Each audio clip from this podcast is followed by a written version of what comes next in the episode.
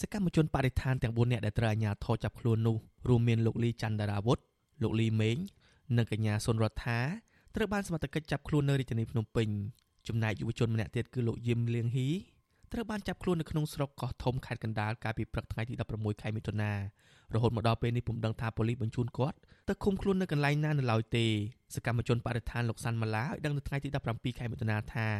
សកម្មជនបរិស្ថាន3នាក់ដែលចាប់ខ្លួននៅរាជធានីភ្នំពេញ ត្រូវអាជ្ញាធរចោទប្រកាន់ពីបទរួមគំនិតក្បត់ប៉ុន្តែលោកពុំដឹងដោយសារតែហេតុផលអ្វីនោះទេព្រោះអាជ្ញាធរព្យាយាមបិទបាំងព័ត៌មានពីការចាប់ខ្លួននេះបន្ថែមពីនេះលោកថាអាជ្ញាធរក្រុងបញ្ជូនពួកគេទៅតុលាការក្រុងភ្នំពេញក្នុងពេលឆាប់ៗនេះលោកបញ្ជាក់ថាសកម្មជន3នាក់ត្រូវបានសមត្ថកិច្ចឃុំខ្លួននៅស្នងការដ្ឋាននគរបាលរាជធានីភ្នំពេញរួចបញ្ជូនបន្តទៅអគ្គស្នងការដ្ឋាននគរបាលជាតិនៅថ្ងៃទី17ខែមិថុនាខ្ញុំគិតថាការដែលយកក្រុម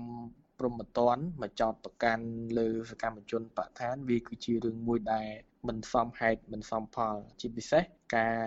ចោតប្រកាន់នៅក្នុងបទរួមគំនិតក្បត់ពីព្រោះអ្វីដែលពួកគាត់បានធ្វើកន្លងមក គឺ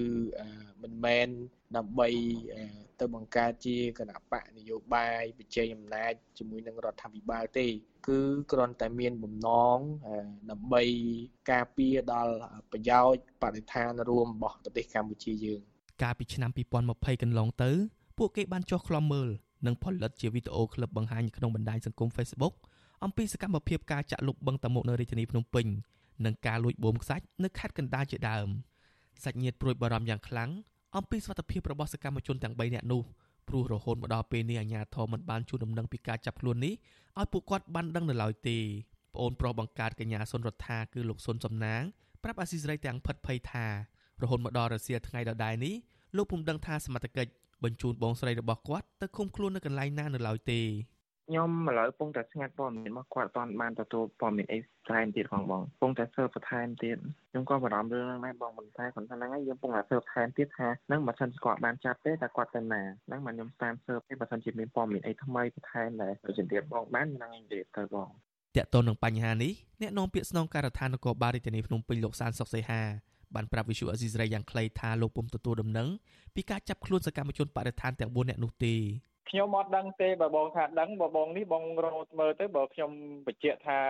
ប្រហែលថ្ងៃហ្នឹងគឺកម្លាំងនៃស្នងការឋាននគរបាលនេះគឺអត់មានបានអត់ខ្លួនសកម្មជនឬក៏បុគ្គលណាម្នាក់ទេបើបុគ្គលណាដែលគាត់ថាមានឲ្យឲ្យសួរគាត់ទៅព្រោះខ្ញុំអត់មានទទួលព័ត៌មាននឹងទាំងអស់អត់មានវិសុអេស៊ីសរ៉ៃមិនអាចតាក់ទងแนะនាំពីអគ្គស្នងការនគរបាលជាតិលោកឆៃកំខឿនដើម្បីសូមអត្ថាធិប្បាយជុំវិញបញ្ហានេះបានទេនៅថ្ងៃទី17ខែមិថុនាដោយទូរស័ព្ទចូលជាច្រើនដងពុំមានអ្នកទទួល ទោះជាយ៉ាងណាមជ្ឈមណ្ឌលសិទ្ធិមនុស្សកម្ពុជាបានចេញសេចក្តីប្រកាសព័ត៌មាននៅថ្ងៃទី17ខែមិថុនាថាសកម្មជនទាំង4នាក់នោះត្រូវបានចាប់ខ្លួនក្រោយពេលពួកគេចុះថតទីតាំងបង្ហូរទឹកស្អុយមួយកន្លែងនៅតាមដងទន្លេក្បែរព្រះបរមរាជវាំងមជ្ឈមណ្ឌលសិទ្ធិមនុស្សបញ្ជាក់ទៀតថាសកម្មជន3នាក់ត្រូវបានឃាត់ខ្លួនសួរចម្លើយនៅអគ្គស្នងការនគរបាលជាតិហើយពួកគេអាចនឹងត្រូវបញ្ជូនទៅសាលាដំបូងរាជធានីភ្នំពេញក្រោយពេលប៉ូលីសសាកសួរចប់ជុំវិញរឿងនេះអ្នកនាំពាក្យសមាគមការពារសិទ្ធិមនុស្សអាត់ហុកលោកសង្សានករណា ចាត់ទុករឿងនេះថាជាការអនុវត្តខុសនីតិវិធីព្រោះសមត្ថកិច្ចមិនបានជូនដំណឹងឲ្យសាច់ញាតិបានដឹងពីការចាប់ខ្លួននោះទេលោកបញ្ជាក់ថាការធ្វើបែបនេះធ្វើឲ្យសាច់ញាតិព្រួយបារម្ភពីសុខភាពរបស់ពួកគាត់បន្ថែមពីនេះក៏មិនអាចរកមេធាវីដើម្បីជួយការពារក្តីដល់ពួកគាត់បានទាន់ពេលវេលាដែរ។ ចំណុចទាំងអស់នេះខាងសមត្ថកិច្ចគួរគប្បីបង្ហាញព័ត៌មានឲ្យសាធារណជនបានដឹងពីព្រោះរឿងនេះគឺត្រូវបានផ្សព្វផ្សាយពីក្រមគ្រួសារនិងមិត្តភ័ក្តិដែលជាសកម្មជនបរិស្ថានដូចគ្នាដែលតាមដានហ្នឹងអញ្ចឹងគួរណាមានការលាក់បាំងព័ត៌មានទេបើសិនជាមានការចាប់ខ្លួនហើយនោះបើហើយថាបើសិនជាអនុវត្តតាមនីតិវិធីច្បាប់យ៉ាងណានោះក៏គួរផ្ដល់ដែរថានៅទីណាកន្លែងណាតើពួកគាត់មានសុវត្ថិភាពទេហើយសុខទុក្ខគាត់របៀបម៉េចហើយគឺយើងអាចផ្ដល់ព័ត៌មានត្រឹមកម្រិតហ្នឹងវាមិនមែនជាព័ត៌មានមួយដែលទៅពាក់ព័ន្ធទៅនឹងនីតិវិធីស៊ើបអង្កេតទេបាទលោកសង្សានករណីឲ្យដឹងថាសកម្មភាពរបស់យុវជនទាំងនោះកន្លងមកធ្វើការងារដើម្បីប្រយោជន៍រួមរបស់ជាតិដែលជាធនធានមនុស្សដ៏កម្រនៅក្នុងសង្គមលោកថាយុវជនដែលឈឺឆ្អើរការងារសង្គមបែបនេះគួរតែត្រូវបានអាជ្ញាធរលើកទឹកចិត្តដល់ពួកគាត់ដើម្បីឲ្យពួកគាត់បំពេញការងារបែបនេះបន្តទៀតរហូតមកដល់ពេលនេះមានសកម្មជននយោបាយសកម្មជនសិទ្ធិមនុស្សសកម្មជនបរិស្ថានព្រះសង្ឃនិងក្រុមយុវជនប្រមាណ80នាក់ហើយ ត្រូវបានអាជ្ញាធររបបក្រុងភ្នំពេញចាប់ខ្លួនដាក់ពន្ធនាគារដោយសារតែការអនុវត្តសិទ្ធិសេរីភាពរបស់ពួកគេដោយភាគច្រើនត្រូវបានតុលាការចោទប្រកាន់ពីបទញុះញង់ឲ្យប្រព្រឹត្តបទអក្រិតជាអាតនិងបទរួមគំនិតក្បត់ក្រុមអង្គការជាតិនិងអន្តរជាតិជាច្រើនស្ថាប័នបានចេញសេចក្តីថ្លែងការណ៍ថ្កោលទោសនឹងការចាប់ខ្លួនទាំងនោះស្ថាប័នទាំងនោះស្នើសុំយ៉ាងទទូចដល់រដ្ឋាភិបាលរបបក្រុងភ្នំពេញឲ្យដោះលែងពួកគេឲ្យមានសេរីភាពឡើងវិញ